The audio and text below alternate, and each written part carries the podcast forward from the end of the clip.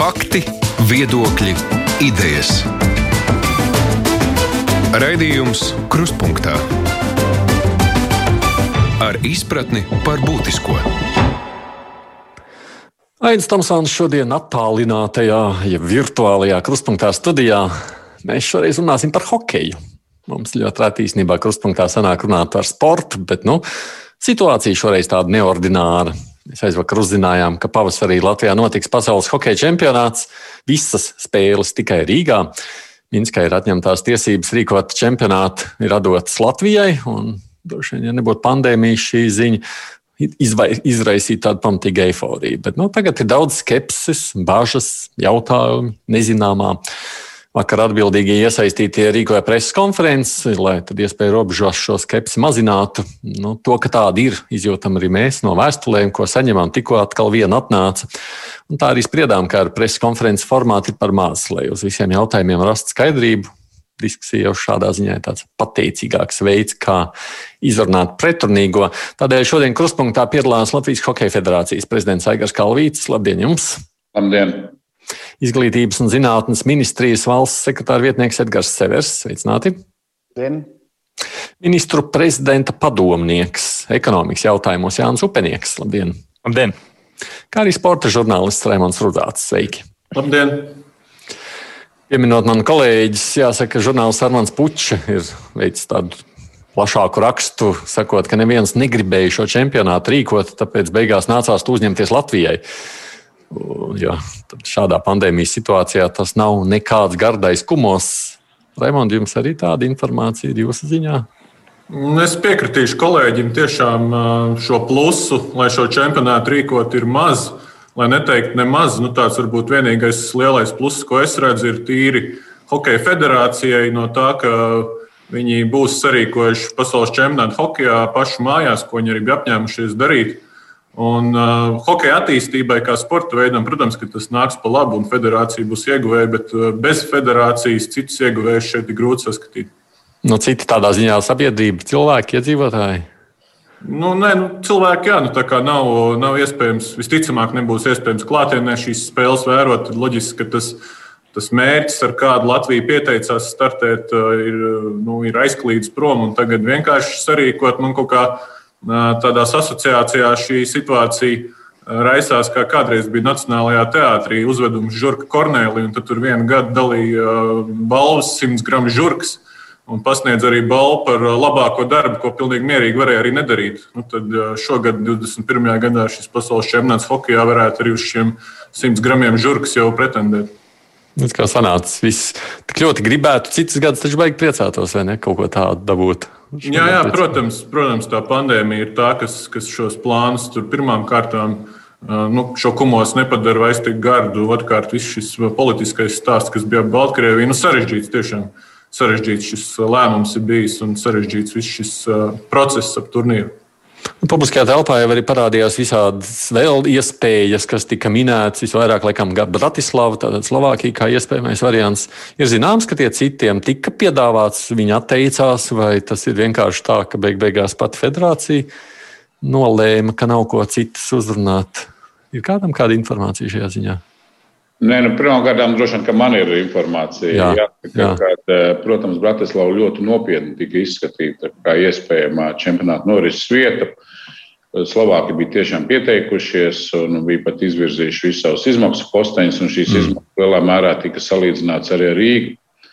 Tā kā pēc šī salīdzinājuma arī mēs gājām. Protams, arī bija Dānijas pieteikums, kur arī Hernīgas pilsētas vadība bija apliecinājusi, ka viņi asistēs šī čempionāta rīkošanā. Un jāsaka, vienīgais, kas varbūt Dāņiem bija tāds eh, neizdevīgāk pozīcija, jo viņu izmaksas bija ievērojami lielākas nekā Rīgā un Bratislavā. Ja? Bet izvēle par labu Rīgai lielā mērā krita tādēļ, ka eh, nu, pandēmijas apstākļos visdrīzāk nevar izslēgt iespēju, ka čempionāts notiks burbuļu formā. Un burbuli nav iespējams norganizēt divās valstīs. Viņi ir iespējams norganizēt vienā valstī. Bet eh, iesākot šo negatīvo Raimonda izteikumu. Jā, bet, bet, ja drīkst, tad precizējot vēlreiz, tomēr tas, ko mēs tikko sacījām, nav tā, ka citiem piedāvāja, visi teica, nē, nē, nē, un tad beigās nāk ko citu. Nu, tad Rīga. Nē, tā nebija. Pirmkārt, ir jāsaprot pats konteksts. Nu, hokeja saimniecība, hokeja ģimene ir uh, tikai tādēļ arī pamatā strādā, lai popularizētu hokeju kā sporta veidu. Un dabīgi, ka visi dalībnieki ir ieinteresēti hokeja attīstībā. Un teikt tagad tā, ka Rīgai tas ir kaut kāds uh, uzlikts kā pienākums, tas būtu pilnīgi aplam. Tātad interese par šo čempionātu ir visām dalībvalstīm. Un tikai es gribētu teikt, ka mums jābūt lepniem par to, kad eh, šobrīd Startautiskā hokeja federācija ir gatava hokeja naudu, kas ir visa kopējā nauda, visa pasaules hokeja ģimenes nauda, iztērēt Rīgā. Un tas ir milzīgs iegums. Un tā nauda nogulsies Rīgā mūsu viesnīcās, ēdināšanā, visu pakalpojumu sniegšanā un tā tālāk. Tā nebūs. Par to naudu arī, protams, tūlītās runāsim, jo tas ir ļoti būtisks aspekts, bet kaut kādi nosacījumi, nezinu, kaulēšanās par to, kādiem nosacījumiem mēs esam gatavi, tādi ir bijuši no vienas vai no otras puses. Nu, Pirmkārt, lai Rīgā varētu notikt šis pasaules čempionāts, mūsu lielākais trūkums bija otrās arēnas nesamība. Un, protams, pirmais priekšnoteikums bija tas, lai mēs uzņemamies eh, saistību šo otro arēnu nodrošināt. Un šeit tālāk nāca Latvijas valdība, kas ir ļoti pozitīva. Ja mums šīs otrās arēnas nebūtu, tad jau visdrīzāk būtu citi lēmumi, kurus mēs pat nevaram nu, teiksim, šobrīd prognozēt. Ja? Tā kā otrā arēna, tas bija tas nosacījums, kas bija ļoti būtisks. Un, un, un... Tas bija no viņu puses, no mūsu puses. Es saprotu, ja es tādu skatos uz upnieku kungu valdības lēmumus, es nezinu, vai Severkungs, kurš labāk zina valdības lēmumus, bija sacot, ka mums ir noteikti summa, ko mēs varam reiķināties ne vairāk, ne mazāk, ja es tā esmu pareizi sapratis no publiskās telpas līdz šim. Jā, es, es sākšu ar to, ka valdība čempionātu apņēmās organizēt 2017. gadā. Tad vēl nebija nemiņas no pandēmijas. Nu, uh, tā brīža Latvijas valdība apņēmās organizēt Rīgas grupu šie apstākļi, mēs zinām, Baltkrievijai represijas pret žurnālistiem, pret sabiedrības pārstāvjiem šī drošības faktors bija par pamatu, lai Latvijas valdība sāktu runāt, uzrunāt IHF, tomēr pārlemt šo jautājumu par Minskas grupu un tā skaitā izskatīt iespēju arī Rīgu kā no šī norises vietu. No nu jā, to, es, to mēs zinām. Jā. Tajā brīdī, kad mēs janvāra sākumā saņēmām mūsu Hokeja federācijas vēstuli ar lūgumu paust Latvijas valdības viedokli, vai Latvijas valdība šajos mainīgajos apstākļos ir gatava organizēt visu čempionātu. Mēs šo jautājumu ļoti rūpīgi izvērtējām. Un, kā jau Kalvīgs kungs pieminēja, mūsu galvenais mīnus šajā sportiskajā konkurencijā Bratislava un Hernīga bija tieši otrs arēnas neesamība. Un Latvijas valdības lēmums bija, ka jā, izprotot šo atbildību, ka mēs 17. gadā uzņēmāmies čempionātu organizēt, ņemot vērā šos ārējos apstākļus, Latvijas valdība ir gatava organizēt visu čempionātu, protams, ar nosacījumiem. Un šie nosacījumi bija, ka šīs papildus izmaksas, ar ko Latvijas valdība nav rēķinājusies, nepārsniedz 3 miljonus eiro, un tie tiek novirzīti tieši šīs otrās halas nodrošināšanai. Tas ir ļoti būtisks faktors. Un mm -hmm. Latvijas valdība arī turpina pildīt savus saistības, ko uzņēmās iepriekš, tā skaitā par finansiālo atbalstu neatkarīgi no šīm Minskas grupas. Un, kā jau Kalvīšs mums pieminēja, mēs arī valdībā tika vērtēti gan šī ieguvumi, tā skaitā arī šīs, šī līdzekļu neesamība. Jo kas ir objektīvi jāapzinās, ka 80% no čempionāta rīkotāju ieņēmumiem veido uh, ieņēmumu no biļetēm. Pandēmijas apstākļos to mēs saprotam, ka gandrīz vai pastāv uh, minimāli teikt, nebūs iespēja būt skatītājiem. Līdz ar to čempionāta rīkotājiem mūsu Hokeja federācijai nav nekādu iespēju atpelnīt izdevumus. Un tāpēc bija ļoti svarīgi uh, balanss attiecībā uz šo čempionāta rēķinu nomaksu. Un, uh, Latvijas valdība maksās mazāko daļu Un, bet iegūmi, ko Startautiskā federācija tērēs Latvijas uh, ekonomikā, būs būtiski lielāka nekā mūsu uh, maksa par šo čempionātu. Ja mēs nerunājam par tiem mīnusiem, plusiem, kā jau es teicu, tūlīt pat runājam, vēl tomēr skato, skatoties savukārt uz šiem nosacījumiem, kāda ir veidot, no vienas puses tā kā apņemšanās ir, nu, protams, ka zināmas saistības tās arī ir, un tas ir jautājums arī par valsts tēlu, to, ko nu, viņi sacījuši, kurā brīdī, kā viņi to rīkojas. Raimonda, klausoties šajā visā, nu, tie nosacījumi šķiet saprātīgi vai tomēr nesaprātīgi? Tīri kā žurnālistam. Man gribētos vispār vairāk informācijas par tiem nosacījumiem, dzirdēt, kas arī attiecās. It sevišķi gribētos dzirdēt par starptautiskās federācijas šiem 12 vai 14 miljoniem eiro, kurus viņi garantē. Un, un, un gribētos vairāk zināt, kā ir tapuši šie aprēķini un, un kādi dokumenti jau ir parakstīti, kur tie, šī summa tiešām ir iegrāmatota. Tikai ar šiem jautājumiem varētu atbildēt jautājumu, vai tas ir pamatot vai nav pamatot. Tā, ja? Nu, lielā mērā, jo, jo tas, ja, ja Startautiskā federācija līdz šim nav vispār tērējusi čempionātiem un kā partneris spriežot pēc eh, viņa prezidenta izteikumiem, arī nerada tādu lielu uzticību, tad, tad gribētos vispirms nu, tādu lielāku drošību, vismaz tad, lai publiskajā telpā okay. izskan. Un, eh, nu, attiecībā vispār par šiem ieguldījumiem, 3 miljoni vai, vai šur vai tur ir eh, mazliet arī konteksts, varbūt jāapzinās, kāds vispār šobrīd laiks ir pasaulē, kas tas ir Latvijā.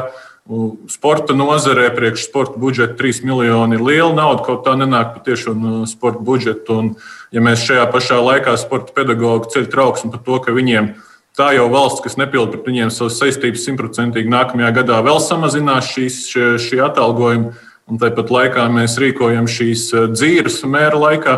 Nu, par to arī būtu jāpadomā tāda kopējās sporta vides, tādas nu, veselības vārdā, vai, vai tas ir samērīgi un vai tas tiešām bija tik nepieciešams, ņemot vērā, ka iespēja to nedarīt bija gana daudz. Galu galā es saprotu arī, ka līgumā ar Baltkrieviju tieši Kalvīša kungs paredzēja, ka force majeure kā politika, politikas faktors, kā force majeure tiek iestrādāts. Mm.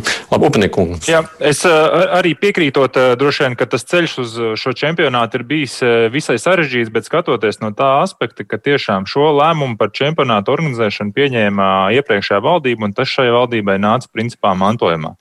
Kāpēc arī, protams, pieņēma organizēt? Protams, tas ir prestižs jautājums, tas ir ienākumi arī ekonomikā, ieceļotāji, turisms un citi jautājumi. Tās izvēles, kas bija palikušas šai valdībai, kad tuvojās čempionāts, protams, vienmēr var atteikties, bet tās atteikšanās arī ir ar sankcijas noteikumiem, kurus varbūt Edgars varētu precīzāk izstāstīt, bet tas nav bezmaksas bezmaksas izstāšanās no iepriekš panāktas vienošanās. Okay. Mm -hmm. Līdz ar to arī skatoties tālāk un vērtējot šīs papildus, eh, papildus nepieciešamo rezervēto naudu, eh, organizējot, protams, jāskatās vairāk faktori. Viens. Eh, citu starptautisko sporta pasākumu organizēšanai tiek prasīta licences maksa. Tātad tā ir maksa, kur mēs paņemam naudas summu, aizskaitām starptautiskajai federācijai, lai mēs iegūtu tiesības organizēt. Šī gadījumā šis ir lūgums sakārtot mūsu infrastruktūru, lai mēs nodrošinātu nepieciešamo infrastruktūru. Pēc tam šī infrastruktūra, daļa no tās, kas tiks nopirkts, viņa paliek mums, viņa paliek mūsu lietošanā, viņa paliek hokejam. Tāpat uh, arī organizējot visu, tās būs divreiz vairāk komandas, kas bija plānotas, kas iebrauks, te ir divreiz vairāk cilvēki, ilgāk uzturēsies. Es, eh, protams, var diskutēt par aptuvenēm aplēsēm, cik Startautiskā hokeja federācija or, eh, izmaksās šo visu norganizēt, bet, protams, tas nav bez maksas, tādēļ čempionāts notiks, tās investīcijas būs. Tie ir vairāki, tie ir daudz miljoni eiro.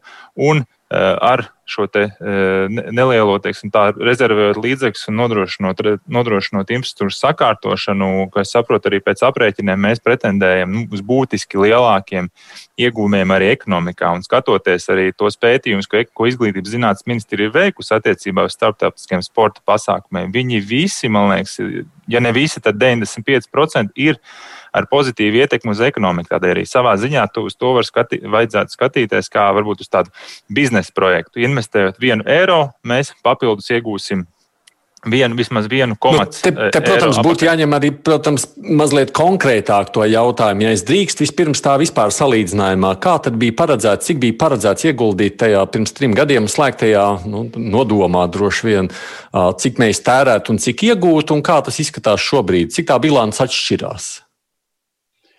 Nu, lai, to varētu, lai to varētu precīzi aprēķināt, es vienkārši nelielu komentāru par šiem trim valdības ieguldītajiem miljoniem, ko viņi ieguldīs. Jārēķinās, ka gandrīz 30% no, tīs, no šīs summas aizies Olimpiskā centra nomā. Tātad šī nauda aizies Olimpiskam centram, kurš šobrīd, protams, mokās ņemot vērā visu Covid apstākļus, un tāpat ir nepieciešams valsts atbalsts sporta būvēm. Tā kā šī nauda netiek iztērēta kaut kādām vienreizējām vajadzībām. Mēs varētu runāt varbūt par pusi no šīs summas, kas varbūt būs neatgriezeniska. Bet tajā pašā laikā 12 miljonu čempionāta izmaksas tāmi, kas nonāks no Šveices pie mums, plus 2 miljonu Covid protokola naudas, kas arī visdrīzāk, nu, jācer, ka viņi nebūs jātērē tik daudz, tāpēc, ka situācija būs labāka. Bet arī šie līdzekļi plānot. Tātad mēs varētu runāt par pusotru līdz 1,8 miljonu vienreizējiem ieguldījumiem Un pretī saņemot vismaz 12, 13 miljonus naudu no Šveices, tas būtu tik vienkārši aprēķins. Runājot par eh, to, kāda bija nosacījuma, Latvijas valdībai bija eh, pēc šī eh, iepriekšējā vienošanās bija jāsamaksā licences nauda, kas bija aptuveni 600-700 tūkstoši, plus pusgada kongresa norganizēšana, kas Latvijas pienākumos tad ietilptu, plus jau arī izdevumi, kas saistīti ar tekošajiem izdevumiem, nu, teiksim, atbalstu Latvijas Hokeja federācijai. Tie tāpat būtu tuvu tuvu četru gadu laikā, tuvu pusotram miljonam eiro. Tuvu pusotram pēc aprēķiniem. Ja? Šo, šo bilanci mm -hmm. kopā tad šī starpība nav tik liela. Bet ir atšķirība, vai mēs saņemam šo dotāciju teiksim, no Starptautiskās hokeja federācijas kā, kā finansējumu, vai mēs šo naudu izņemam ārā no Latvijas tirgus lielāko daļu. Kas būtu tādā gadījumā? Jā, ja drīkstētu, lai saprastu, kas tās summas tur ir, par ko mēs runājam. Nu, tas, kas attiecas uz tiem Latvijas naudu, tur es saprotu, tas ir pamatā jautājums tikai un vienīgi par šī otrās stadiona, ne otrās spēļu vietas pielāgošanu, vai ne? Jā. Jā. Tā ir tā kā vienīgās ekstra izmaksas, ko Latvijas valdība uzņēmās, organizējot visu čempionātu, ir summa līdz 3 miljoniem eiro. Jaunieci informācijai Latvijas valdība čempionātam līdz šim, kā Kalvīts kungs jau pieminēja, no 18. līdz 20. gadam mēs esam jau ieguldījuši čempionāta organizēšanā 593 268 eiro, un 21. Mm gadā neatkarīgi no otrās grupas bija plānots 700 tūkstoši eiro. Tā kā okay. 1,3 miljonu eiro ir tās izmaksas ko mēs reiķinājāmies jau piesakoties čempionātam. Un otra lieta bija mūsu paša Daugavas stadiona ledushalli, bet, eh, bet tam nebija saistība ar čempionātu organizēšanu. Bet, uh, tur mainījās tikai plāni, lai šī ledushalli ar diviem ledus laukumiem būtu būt gatava mm. līdz čempionāta norisei. Bet viņi, protams, paliks arī pēc čempionāta. Mūsu bērni jaunieši daudzu desmit gadu garumā varēs izmantot brīnišķīgu sporta mm. bāzi. Mm. Kur aizies tie 12 miljoni? Nu, nu, nevis tie divi, kas ir par Covid protokolu, kur apmēram tā bilde ir skaidra, bet tie 12 miljoni, kas nāks no Startautiskās hokeja federācijas, kam tad viņi tiks tērēti, lai mēs saprotam? Nu, jāsaprot, ka eh, čempionāta laikā visas 16 komandas ir jāuzņem eh, un, un teiksim, viesnīcu izdevumi, komandu ēdināšana, komandu transportēšana, treniņu procesa nodrošināšana mūsu sporta bāzēs. Tātad, ceļošanas pabalstu. Nu, visas šīs lietas, ko, ko normāli iepriekšējos čempionātos sedza no biļešu ieņēmumiem. Mm -hmm. Protams, arī administratīvās izmaksas, jo mūsu cilvēki strādās, lai šo čempionātu norganizētu. Nu, es nevaru šobrīd pateikt, cik tie būs desmiti cilvēki, kas, tiks, kas jau šobrīd strādā un tiks pieņemti darbā, bet katrā ziņā tās ir arī darba algas un administratīvās izmaksas. Protams, arī sporta būvju ir. Nu, teiksim, arēnas ir, Daugavas ir, un tā nauda arī vispār paliek Latvijas ekonomikā. Kādā veidā šī nauda ir aprēķināta? Ir kaut kāda provizoriska pētījuma, skatoties, kāds ir bijis iepriekšējos gados salīdzinot ar citām valstīm, vai tur ir kaut kāds speciāls mūsu piedāvājums, jau aprēķins jau veikts. Nu, kas, kas noteica, ka tieši 12? Jā, ļoti konkrēti skaitļi ir apakšā, gan cik būs jāmaksā par viesnīcām, jo ir provizorisks vienošanās tikai panākt. Protams, līguma vēl nav parakstīta. Tāpat arī provizorisks vienošanās ir par arēnu, par sporta būvi, ir par transportu. Tas viss ir eh, mums zināms. Protams, šie skaitļi tiks korģēti atkarībā no patiesajiem tēriņiem. Mm -hmm. Raimond, klausoties šo skaitļus, nu, tā kā mēs tagad to pateicām, ar to par mazu Nē, nu, Kalvīša kungs ir atbildēji tie tādi provizoriskie, un galvenā vieta, ko es pasvītrošu, ka līgums vēl nav parakstīts. Es saprotu, arī Severkungs to var apstiprināt, ka tas vēl tādā mutiskas vienošanās līmenī viss ir. Un kas tev bažas par to, ka tās summas mainīsies? Nu, tā ir skaitā. Uh, bet šeit gribētu divas lietas. Ja līgums starp Latvijas Hokeja federāciju un Startautisko Hokeja federāciju tiešām atjaunotais nav parakstīts. Uh, Jo atgādināšu, ka iepriekš eh, federācija uzņēmās organizēt tikai vienu grupu, un tur bija līgumi gan ar Baltkrievijas eh, pusi, gan ar IHF. Tad, ņemot vērā, ka šis lēmums eh, federācija pieņēmusi otrdien, pirms attiecīgi divām dienām, tad šobrīd Hokeja federācija ir līguma sarunas par detaļām attiecībā uz čempionātu organizēšanu. Bet kas ir gan ļoti skaidrs, un tas valdības lēmumā, valdības nosacījumos IHF tika arī paziņots, ka Latvijas valdības ekstra izmaksas, ja papildus izmaksas saistībā ar visu čempionātu organizēšanu, nekādā gadījumā nedrīkst pārsniegt 3 miljonus eiro. Latvijas valdība šo summu ir rezervējusi. Un Izglītības zinātnes ministrija, atbilstoši valdības procedūrām, ies uz ministru kabinetu par konkrētām izmaksām, konkrētām pozīcijām, kas skar šīs papildus izmaksas, bet ar nosacījumu, ka šī summa nepārsniegs 3 miljonus eiro. Ja šī tāme čempionāta organizēšanai augs, tad šo pieauguma daļu maksās Šveices kompānija, respektīvi IHF ar saviem sponsoriem. Tas ir ļoti skaidri no šo valdību pozīciju pauda. Mēs neesam pārmak gatavi pārmaksāt par šī čempionāta organizēšanu. Un tāpēc ļoti rūpīgi tika vērtēti šie papildus izmaksas, iegūmi, Kupinieks teica, ko mēs iegūstam. Un, lai rezultātā šī bilance būtu, ka mēs būtu izpildījuši savas saistības no 17. gada, ko mēs esam uzņēmušies, godam norganizējuši Covid drošos apstākļos visai pasaules sabiedrībai hokeja čempionātu un ieguvuši arī tos ieguvumus. Tikai viena lieta no mēdīju vides. Pasaules hokeja čempionāta digitālajā vidē un tiešraidē televīzijas starpniecībiem citiem mēdījiem seko līdzi aptuveni viens miljards auditorijas. Tas ir neizmērojama lieta, ja mēs gribētu šādu veidu auditoriju, ja kādā citādā veidā nodrošināt caur mūsu reklāmu vai kā savādāk. Un gal galā arī ļoti svarīgi, ka valdība un Latvijas valdība pilda savas saistības. Tas starptautiskajā līmenī ir ļoti, ļoti svarīgi, ka neatkarīgi no šiem izaicinājumiem, un pandēmija ir izaicinājums globāli, mēs esam kopā ar pasaules hokeja ģimeni un mūsu hokeja federāciju un, uh, organizēsim brīnišķīgu hokeja čempionātu. Diemžēl drīzāk bez skatītājiem. Mm. Upniekungs savukārt, es skatos uz to, ko ļaudis te raksta. Nu, te parādās man ļoti daudz to tā sajūta, ko sacīja jau uh, mans kolēģis, uh, sporta žurnālists, kas sakot, ka, nu, labi, hokejam te tātad mēs iedodam 3 miljonus, bet, nu, lūk, tam nav un šim nav, un tur tās skolas nevar atļauties pat treneri šobrīd. Un, Nu, ņemot vērā to kopējo ainu, ir tāda sajūta no cilvēkiem, ka te ir disbalans. Mēs hokejām atdevām, daži tur dabūs un pārējie. Uh, pilnībā piekrītu attiecībā par sporta finansēm. Viens varbūt arguments par to, Kā, paskatāmies, varbūt kādēļ citas valsts tik ļoti gribēja un pieteicās uh, papildus uz čempionātu organizēšanu. Bija Dānija un Bratislava, ko, ko izskatīja rūpīgāk, bet vēl vienu brīdi pieteicās arī Lietuva, kas pēdējā brīdī bija gatava uzņemties daļu čempionātu. Protams, ir šobrīd sarežģīts laiks, bet katra no šīm valstīm, redzot tās nepieciešamās lietas, ko prasa IHF, un tās investīcijas, ko dabū pretim, ikviena no šīm valstīm, un esmu pārliecināts, ka tie paši dāņi ļoti labi rēķina. Viņi saprata, ka šie ir papildus investīcijas šajā sarežģītajā pandēmijas laikā, un tas ir arī ekonomisks stimuls tām nozarēm, kas ir cietušas pat vien, viens no vistrakāk, tas pats viesmīlības nozara, turisms, viesnīcas.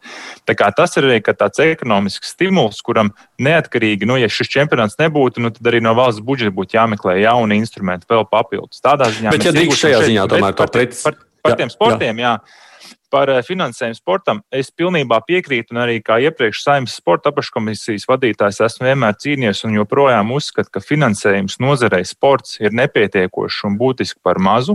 Kaut vai tā iemesla dēļ, ka mūsu dzīvesveids ar katru dienu paliek aizvien sēdošāks. Arī šobrīd tas ir izteikti attālināts. Mēs kustamies mazāk, ir aptaukošanās problēmas bērniem skolās. Katrs māk spēlēt telefonā spēles, bet vienkārši fizisks teiksim, aktivitātes reizēm ir grūtība. Tādēļ es domāju, ka ka mums aizvien vairāk šis, šie izaicinājumi parādīsies, un mums aizvien vairāk būs jādomā, kā investēt papildus līdzekļus sportā, papildus līdzekļus cilvēku kustīgumā, aktīvā dzīvesveidā. Tādēļ noteikti tas ir jādara, bet es negribētu salīdzināt šo kā tā ir nauda tieši hokejam uh, pret citiem. Tā ir, ka šis ir savā ziņā ne tikai kā hokejam, bet arī kā biznesa projekts, kas dod gan ekonomisko atdevi, ko dod starptautiskā pasākuma organizēšana, gan atpazīstamību ļoti lielā mērogā. Nu, Un es ļoti ceru, protams, dati to šobrīd nerāda, bet es ļoti ceru, ka varbūt līdz mājām mums uzlabojas epidemioloģiskā situācija, uzlabojas vakcinācija būtiski, kas ļauj mums arī kaut kādā mērā pie tiem sarežģītiem apstākļiem tomēr arī kādu spēli noskatīties klāt. Vakcinētie varētu doties, vismaz vecākie ļaudis, seniori virs 60 varētu tikt uz hokeju. Ja runājam savukārt par jūs pieminēto atbalstu, jeb to, ka tā ir atbalsts gan viesmīlībai, gan viesnīcām. Es saprotu, viss, ka būtībā ir runa tikai par vienu viesnīcu. Vai salojos? Nē. Nē, nav runa par vienu viesnīcu. Par vienu viesnīcu runa sportistu kontekstā. Tā tad ir doma šobrīd, kad visas komandas dzīvos vienā viesnīcā, lai viņus varētu izolēt no, no apkārtējās vidas. Bet ir vēl ļoti daudz viesnīcu nepieciešams gan sponsoriem, gan televīzijas pārēžu. Iedomāsimies, ka tās būs vadošās televīziju kompānijas, kas pārēdīs šīs translācijas. Tāpat arī žurnālistiem, kas ieradīsies eh, daudzos simtos Latvijā, gan arī visiem funkcionāriem. Tā kā būs aizņemts vairākas viesnīcas Rīgā. Bet hokejs, redzot, jā. dzīvot viesnīcā Latvijā. Ir skaidrs šobrīd jau pēc kāda principa, kura viesnīca tiks pie tā kumos un kura nē, vai tad ir kaut kāds ir paredzēts, jo es saprotu, ir kaut kāds burbulis ir jānodrošina. Nevar jebkuru viesnīcu izvēlēties cilvēks, jebkurā vietā gulēt. Ne? Visdrīzāk šīs viesnīcas arī būs slēgtas, vismaz ar mērķi, ka viņas būs slēgtas atkarībā no Covid apstākļiem.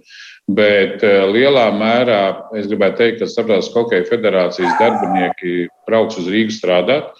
Un lielā mērā viņi arī izvēlēsies kopā ar mūsu cilvēkiem, kurās viesnīcās viņi kuras grupas izvietos. Tā kā mēs jau sagaidām tuvāko divu nedēļu pirmos darbiniekus, kas ieradīsies Hokeja akadēmijā strādāt no Starptautiskās hokeja federācijas. Un viņi jau šobrīd ir apmeklējuši lielāko daļu viesnīcu, kuras būtu piemērotas, un tā izvēle, acīm redzot, arī kritīs februāra mēneša laikā uz tām viesnīcām, kuras tiks izmantotas. Tas nozīmē, tas nav kaut kāds Latvijas puses organizēts konkurss, piedāvāts mums lūk šāda viesnīca un šeit jāpaliek, bet tā būs. Tā būs Viņas IHF. Protams, mēs arī piedāvāsim kā saimnieki, bet gala lēmums būs IHF, jo viņi maksās šos rēķinus. Jautājums arī tikpat par ēdināšanu. Nu, tas ir tas jautājums, kas man liekas visu laiku turās nu, tā tādā pakausī ar to domu, vai tur kādi neuzvārīsies arī negodīgā veidā, tāpēc, ka lūk, ir pietavināti, tāpēc, ka tur ir kaut kādi kontakti, lūk, šie tiks pie sava kontrakta, varēs dabūt kādu pēļņu, un citi netiks. Kā nodrošināt šo?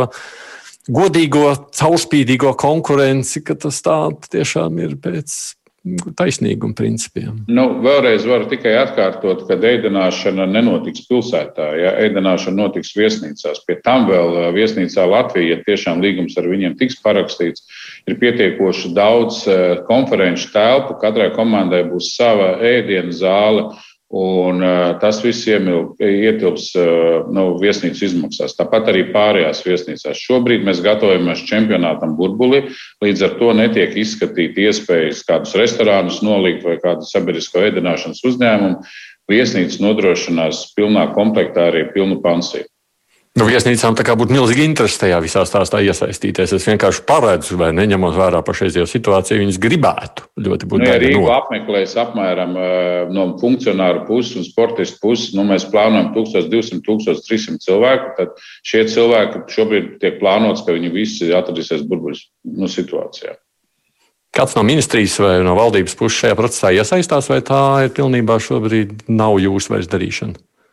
Nu, es varu izstāstīt, ka attiecībā mēs attiecībā uz valsts budžeta kontroli būs ļoti stingra un atbilstoši visiem valdības nosacījumiem, līdzīgi kā viņi bija iepriekšējos gados. Attiecībā uz to rēķinu daļu, ko maksā Startautiskā Latvijas federācija, tas, protams, ir viņas procedūras un viņas izmaksas. Bet es esmu pilnībā pārliecināts, ka Startautiskā federācija prot skaitīt naudu, ka viņi lieki naudu netērēs. Un, protams, arī paturām prātā, ka Startautiskās federācijas tiek uzraudzīts arī gan no iekšējiem, gan no ārējiem auditoriem. Esmu pilnīgi pārliecināts, ka tā cena, ko viņi maksās, būs adekvāta. Un arī, viņi uzraudzīs, lai šis process būtu pēc iespējas godīgs un caurspīdīgs, atbilstoši viņu procedūrām.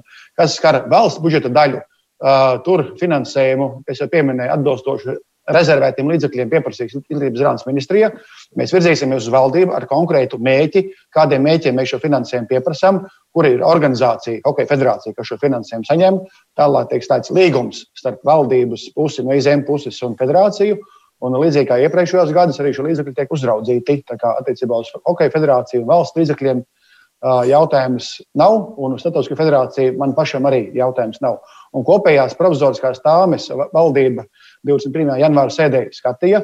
Mēs lūdzam Hokeja federāciju uz to, to brīdi iesniegt provizoriskās tāmes visam čempionātam, norādot gan IHF maksājumu daļu, gan valdības maksājumu daļu.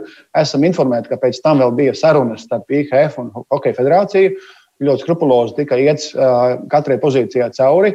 Un gala lēmums, izvēle bija par labu Latvijas Hokeja federācijas piedāvājumam. Bet atgādināšu arī Dāniju un arī Bratislava arī savu piedāvājumu iedeva attiecībā uz finansiāliem aspektiem. Ir kādam vēl par šo komentāru, ja ne tieši par šo? Ja es tikai atgādināšu tiem skatītājiem vai klausītājiem, kas vēlāk pieslēdzas, šeit ir Rēmons Rudzāts, kas ir sporta žurnālists no um, Izglītības zinātnes ministrijas valsts sekretāra vietnieks Edgars Severs, Jānis Upanieks, pārstāv ministra prezidenta biroja, bet padomnieks ekonomikas jautājumos premjeram un Latvijas Hokeja federācijas prezidents Aigars Kalvīts ir šeit sarunā. Raidījums Krustpunktā.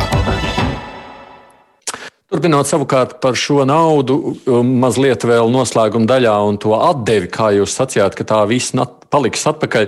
Nu, labi, viena lieta ir skaidra. Tā nāk caur viesnīcniekiem, nu, ir, tā, tā, tas ir iegums biznesā un nu, tādā gadījumā arī ieguldījums ekonomikā.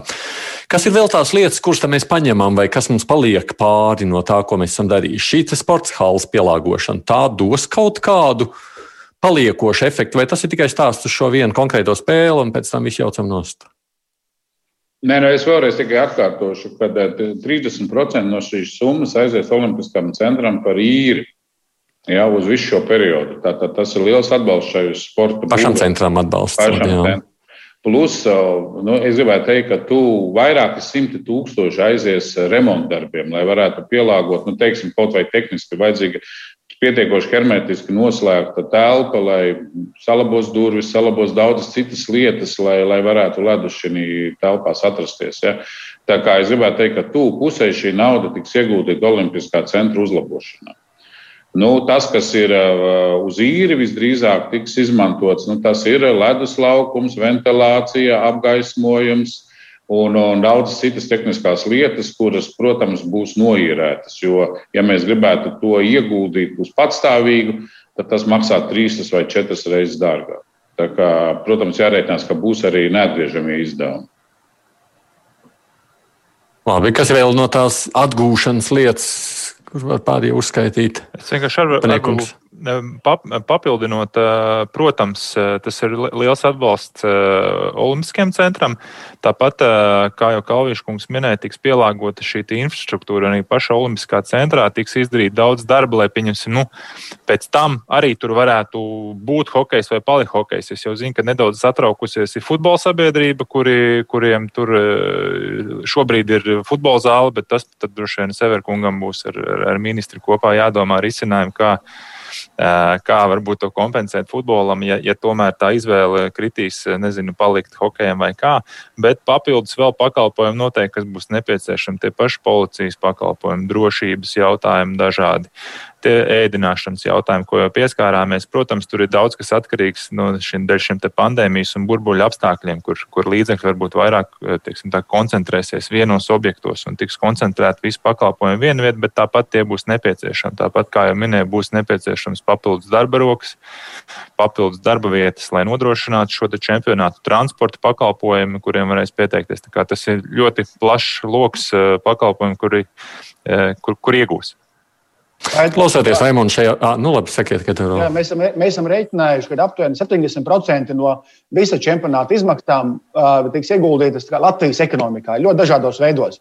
Gan tiešā veidā, kā tika pieminēts Olimpiskais centrs, nodokļu veidā, visur, kur kaut kāda būvdarba un tā tālāk, visur PVN tiek maksāts, visur, kur darbinieks tiek pieņemts darbā, ir arī nodokļu nomaksa un tā tālāk. Tā kā aptuveni 70% ir tā summa, kas paliks Latvijas ekonomikā. Un prozodoriski 30% aizies prom no Latvijas ekonomikas. Savukārt valsts daļa kopējā čempionāta izmaksās savukārt nepārsniegs 30%. Respektīvi, kad mēs esam ieguvēji arī no šāda finansiāla aspekta. Bet vēlreiz ir lietas, ko mēs aprēķināt nevaram. Piemēram, cik maksā uh, trīs nedēļu garumā 64 spēles. Redzam, Rīga, Latvija un to redz 1 miljardu liela auditorija, ka mēs šo spējam nodrošināt. Tas ir arī tāds neizmērojams mm -hmm. lietas. Cik maksā mūsu prestižs un mūsu vārds, ka mēs pildām savus saistības un mūsu gods un lepnums. Tas ir ne, neizmērāms vērtības arī. Jā, ārpus vārdu un prestiža, lai man klausoties šajā visā, nu, nu vismaz nu, pārliecina, ka mīnusos jau mēs neejam, drīzāk plusos. Es par to prestižu Edgars vairāk kārt pieminēju, to miljardu lielo auditoriju. Es tikai varbūt noprecizētu, lai cilvēki nepadomā, tiešām, ka septītā daļa planētas to hokeja čempionātu skatīsies. Tā ir kopējā auditorija sasniedzamā visa čempionāta garumā, kur kāds tur uz trim sekundēm ir garām ieslēdzis. Ja tur bija šodien ļoti labs raksts, iesaka kolēģi rakstīs sporta centrs kom par, par šiem reitingiem un arī par šo vienu miljārdu. Tur arī bija skaidrots, ko tas nozīmē. Un skatītākajām hokeja spēlēm mēs runājam par 20 līdz 25 miljoniem skatītāju, kas, protams, tur čempionātu, ja mēs kopumā vērtējam, tad vienalga tur sasumējās auditorija gan liela, un par to nav šaubu, ka tas ir labi un, un nozīmīgi.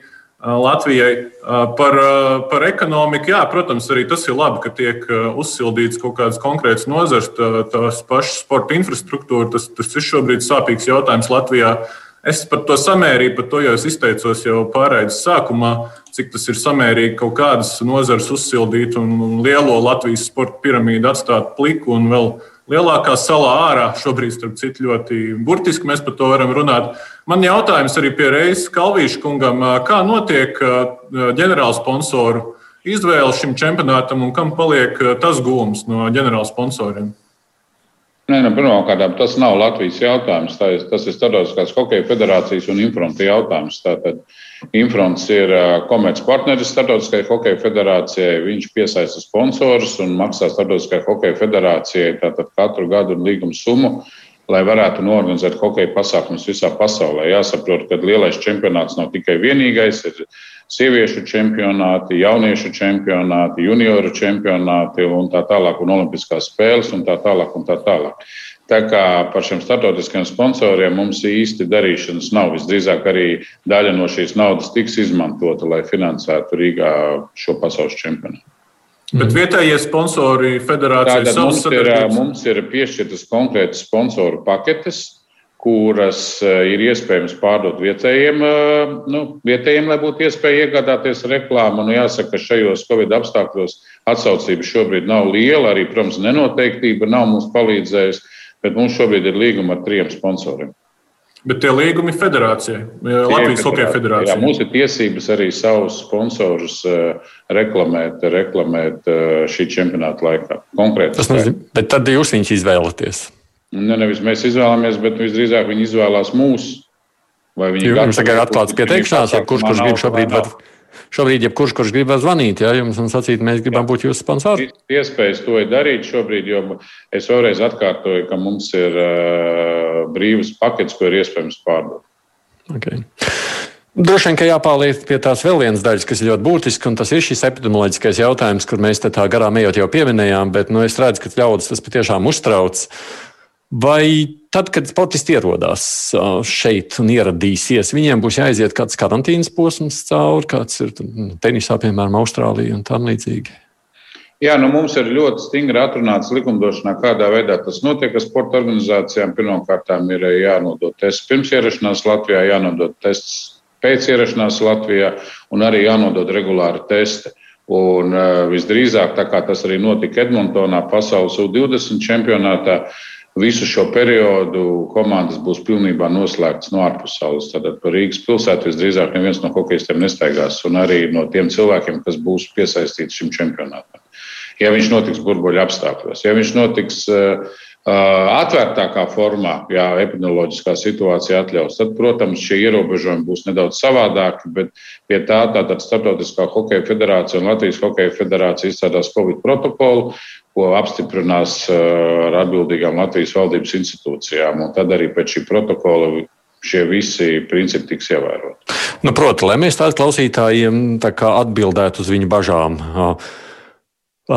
Šie cilvēki, kas ieradīsies, viņi ar Latvijas sabiedrību nesaskarsies. Šobrīd plānots ir tā, ka viņi nesaskarsies ar Latvijas sabiedrību.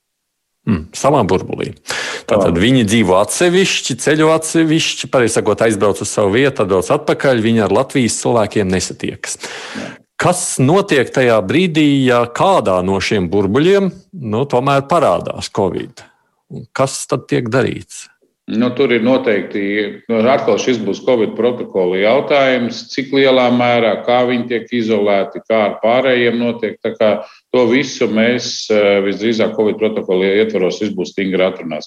Katrā ziņā es gribu teikt, ka eh, janvāra eksperiments, decembra janvāra eksperiments Edmontonā bija ļoti pozitīvs un turnīrs notika bez eh, ekscesiem.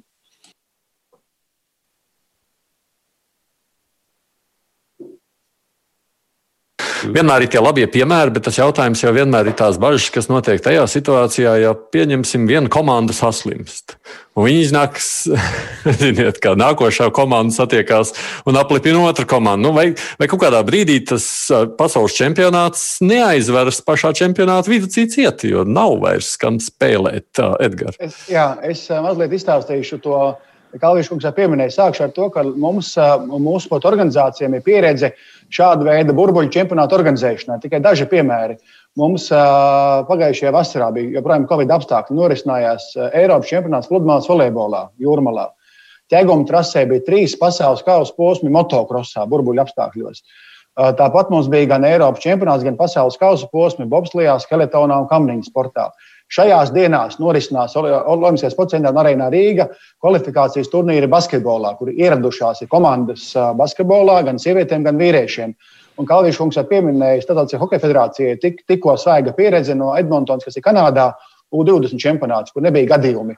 Un ļoti, ļoti svarīgi saprast, ka Startautiskā federācija pati ir interesēta un visi šie mēdīji vide, lai čempionāts norisinātos, lai būtu šie skatītāji un pārraides notiktu. Ja komandas ir slimas, atvainojos, tad spēle nevar norisināties. Un tāpēc jau šis Covid protokols, kas tiks izstrādāts, Medmontons, piemēram, visas komandas tika jau testētas un uzraudzītas, ja burbulī dzīvoja vēl pirms ierašanās. Tā kā vēl 14 dienas iepriekš process norisinās tajās valstīs, kur katra komanda pirms ierašanās tiek veikti Covid testi. Ierodoties Latvijā, tiek veikti Covid testi. Un, kā Viņš mums pieminēja, 5 līdz 7 dienas valdības noteikumi jau paredz. Covid protokols Startautiskajā federācijā paredz pat katru otro dienu un trešo dienu testēt. Ļoti svarīgs aspekts, piemēram, ko valdība vērtēja, lai šie Covid testi, kas tiek taisīti gan spēlētājiem, gan arī mēdīju pārstāvjiem un tā tālāk, neatstāja negatīvu ietekmi attiecībā uz SPKC iespējām organizēt testus Latvijas iedzīvotājiem. Tas bija arī īpašs nosacījums, kas federācijai ir nodots. Un visas šīs izmaksas Covid protokola izstrādē, uzraudzībai, testu veikšanai un kapacitātes veikšanai seks Startautiskajā federācijā. Un šīs Covid izmaksas uh, ir rezervētas līdz 2 miljoniem eiro. Kanādā tas bija pusotrs miljonus dolāru, tam tika tērēts. Tas ir ļoti apjomīgas summas. Uh, un vēlreiz uh, Startautiskā federācija un visi organizatori ir ieinteresēti, lai spēles norisinātos. Tik, tikko Eģiptē pasaules čempionāts handbolā norisinājās. Bija daži gadījumi pirms tam, bet tika modificēts, komandas pat tika mainītas pirms ierašanās. Bet es ceru, ka tas nebūs mūsu gadījums. Bet vēlreiz mums ir pieredze, un es esmu pārliecināts, ka kopīgi strādājot Latvijas valdības institūcijām, Hokeja federācijai, Startautiskajai federācijai, ar visiem ekspertiem, ka šis uh, pasākums burbuļu formātā norisināsies droši. Mm. Jā, arī, piebilstot, no valdības puses būs stingri uzstādījumi un prasības epidemioloģisko prasību ievērošanai, un arī sekos līdzi, lai, lai ne, ne, nenotiek pārkāpumi. Bet, ko jau Edgars arī pieminēja, jāsaprot arī, ka šie te, or, gan organizatori, gan saprotot, ka šajā čempionātā startēs gan NHL hokeisti, gan KHL hokeisti, kur līgumi ir desmitos miljonu. Uh, viņi, eh, viņi, eh, gan viņu organizācijas nav ieinteresētas, kad, kad viņi kāds saslimtu vai būtu pēc tam veselības problēmas. Tādēļ, tādēļ arī viņi paši ir ļoti motivēti ievērot šos nosacījumus un skatoties arī, kā tas notiek gan NBA, ka, pieņemsim, nu, ja kāds saslimst vai kontaktpersonas ir ļoti stingri nosacījumi, nedrīkst startēt, nedrīkst spēlēt. Vai tāpat arī atceros, bija motocross čempionāts vasarā, kur bija 25, 30 grādi ārā temperatūra, kamēr mēs pieņemsim Mums vēl nebija arī šis regulējums par masku vilkšanu, tie nebija tik strikti epidemioloģiskie nosacījumi. Tad šīs organizatoriskās puses pārstāvja pat 25, 30 grādu temperatūrā visu dienu staigā maskās, un nevienam viņa nav pat zem deguna vai uz zodu. Viņi saprot šos nosacījumus, viņiem iekšē ir ļoti stingri sodi, ļoti lielas prasības, un ja kāds no viņiem pārkāp, tad, tad es domāju, ka arī šajā Covid protokolā būs nosacījums, ka viņš ir ārā no čempionāta, viņš ir ārā no organizēšanas, viņš saka, zaudē darbu. Tādēļ tur arī ar šīm lietām nejokojās. Mm. Skatoties savukārt tas, ko es atceros, pat ministra, izglītības zinātnes ministrs, sakot, ka vienošanās paredz iespēju arī atteikties no čempionāta rīkošanas, ja epidemioloģiskā situācija paliek sliktāka. Un šis ir jautājums, kas manī samulsināja. Kas tad ir tas rādītājs? Un ko tas vispār nozīmē? Edgar? Jā, jā, sākšu ar to, ka čempionāts paredzēts burbuļu formātā. Un līdz ar to situācija Latvijas sabiedrībā kopumā viņai nevajadzētu ietekmēt čempionātu norisi. Uh, un to ministrs kundze arī vakar preses konferencē pieminēja, kad čempionāts norisinās burbuļu formātā. Tad nav šīs saskares uh, šiem cilvēkiem, kas ieradušies čempionātu, saskara ar Latvijas sabiedrību. Tad tam nevajadzētu būt. Bet, protams, ja mēs skatāmies tādu uh, galīgo risinājumu, bet es tādu ne, negribētu pieļaut, bet, protams, Latvijas valdība ir tā institūcija, kas dod zaļo gaismu pasākumu norisei vai attiecīgi nedod zaļo gaismu.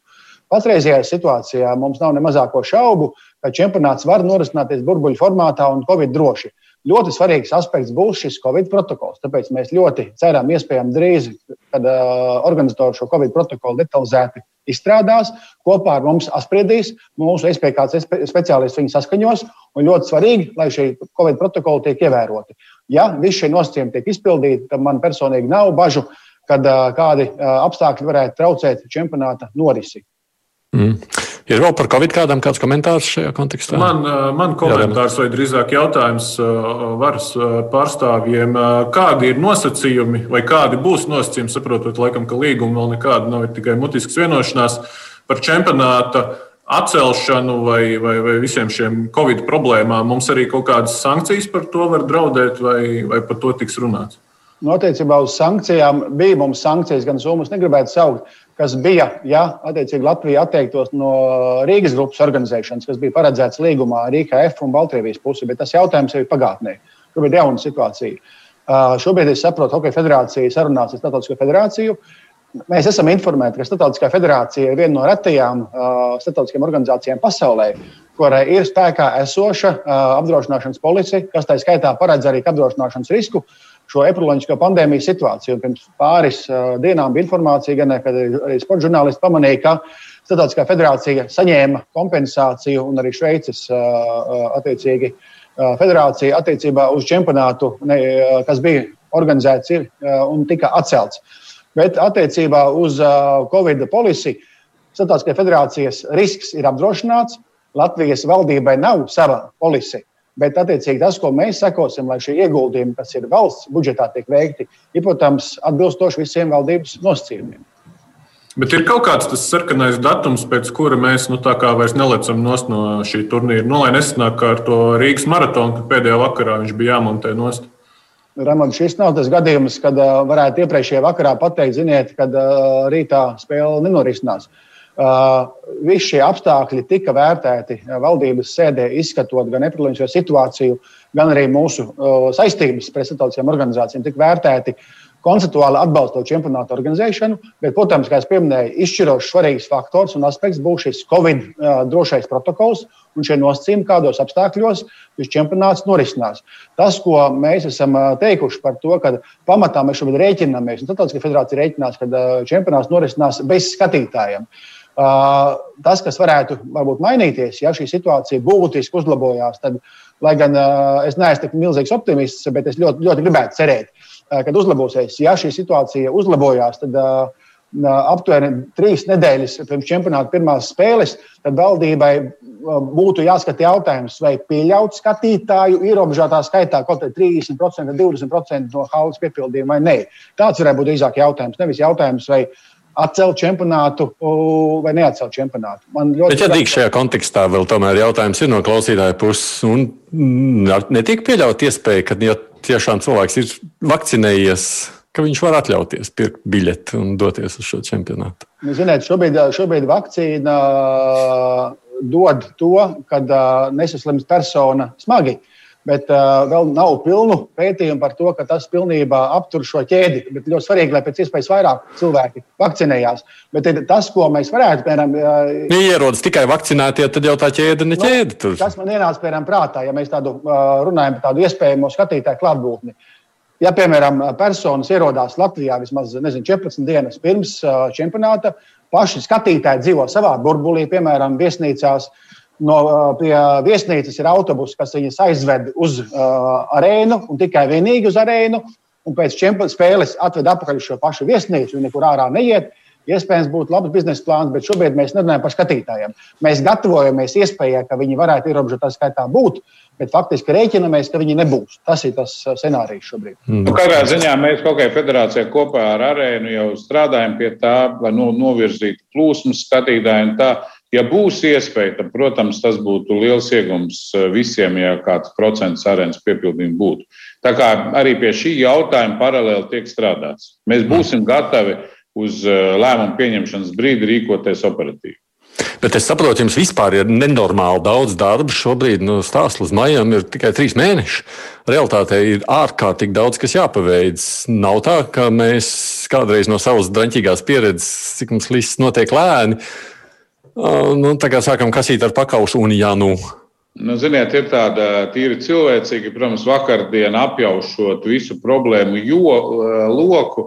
Nu, tā kā tāds uztraukums vismaz manā prātā iestājās, bet šodien risinot visas dienas garumā problēmu pēc problēmas, nu, tāda gaisma tuneļa galā parādās. Ziniet, laika trūkums mobilizē.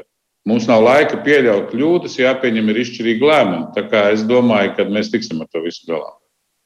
Nu, no valsts puses jau arī tas ir tāds stāsts par nu, visiem līgumiem nosakošanu. Nezinu, vispār jau kas tur jādara šobrīd, lai arī šo halu pielāgotu tā, kā mums tā ir nepieciešama, vai ne tā? Jā, ir valdības lēmums arī paredzēt to jau 21. janvārī, kad mēs skatījām jautājumu par hokeja čempionātu visu organizēšanu, jā vai nē. Valdības lēmums, kas šobrīd arī, arī tiek publiskots, jau paredz uzdevumu mūsu ministrijai, Izglītības ministrijai, iet uz valdību ar tālākiem soļiem, ieskicēt, kas tie ir. Bet pamatlēmumus valdība jau pieņēma. Tas bija zaļā gaisma Latvijas federācijas kandidēšanai uz visu čempionātu organizēšanu. Ir rezervēti, uzsver, rezervēti līdz 3 miljoniem eiro ekstra papildus izmaksām saistībā ar otrās arēnas pielāgošanu, kas ir Olimpiskajā sporta centrā, Grostons ielā, kas turpat pretī arēnā Rīga. Un ir tā, tāpat arī paredzēti šie līdzekļi līdz 700 tūkstošiem eiro, kas bija paredzēti jau iepriekš. Tās ir vienīgās izmaksas, ko Latvijas valdība attiecībā uz šo čempionātu organizēšanu ir gatava sekt. Vispārējais izmaksas Latvijas federācija. Par darbiem, protams, mums jau šodien bija pirms divām stundām bija sanāksme Hokeja federācija ar Olimpiskā centra pārstāvjiem, kādā veidā un kādi ir termiņi, procedūras, kas mums jādara. Jo ledumi jābūt gatavam Olimpiskā sporta centrā konkrēti 6. maijā. Un vēl uh, ir attiecīgi tas laika uh, skaitījums, tiek skaitīts uz atpakaļ. Līdz ar to līdz uh, marta sākumam jābūt skaidrībai, kurš, kuri partneri konkrēti organizēs procesu un šīs piegādās šīs iekārtas un tā tālāk. Konkrētos datumos ir jābūt ir visām iekārtām šeit, un procesam jāsākās uzstādīšanai, bet bez otrās arēnas ir 99 un plus darbi, kas mūsu Hokeja federācijai partneriem jāpaveic. Kalē ir tikai viens no, bet ļoti būtisks. Protams, protams tā kā darba tur ir bezjēgā. Es arī redzu, cilvēkiem nāk daži ieteikumi, ko tur vajadzētu darīt. Mūzika, skatītāja ovācijas, ja tur nav skatītāja iekšā un tam līdzīgi. Droši vien, ka gan jau jums arī rakstīs un sūtīs vēl, ko vajadzētu darīt. Es jums saku paldies, ka veltījāt laiku sarunai. Nu, vismaz es ceru, ka kādiem klausītājiem šī saruna noderēja, domājot par nu, nākošo hokeja čempionātu, kas, protams, Latvijā tas ir noteikti īpaša ekstra ziņa. Edgars Kalvīts ir Latvijas Hokeja federācijas prezidents, Edgars Severs, izglītības zinātnes ministrijā valsts sekretāra vietnieks, Jānis Upenieks, ministrs prezidenta padomnieks ekonomikas jautājumos, nu, un arī mans kolēģis sporta žurnālists Remons Rudzāts. Paldies jums par iesaistīšanos šajā sarunā. Bet kruspunktā šodien līdz ar to izskan producents mums ir Revija un Unām. Studijā bija es, Aidis Tomsons.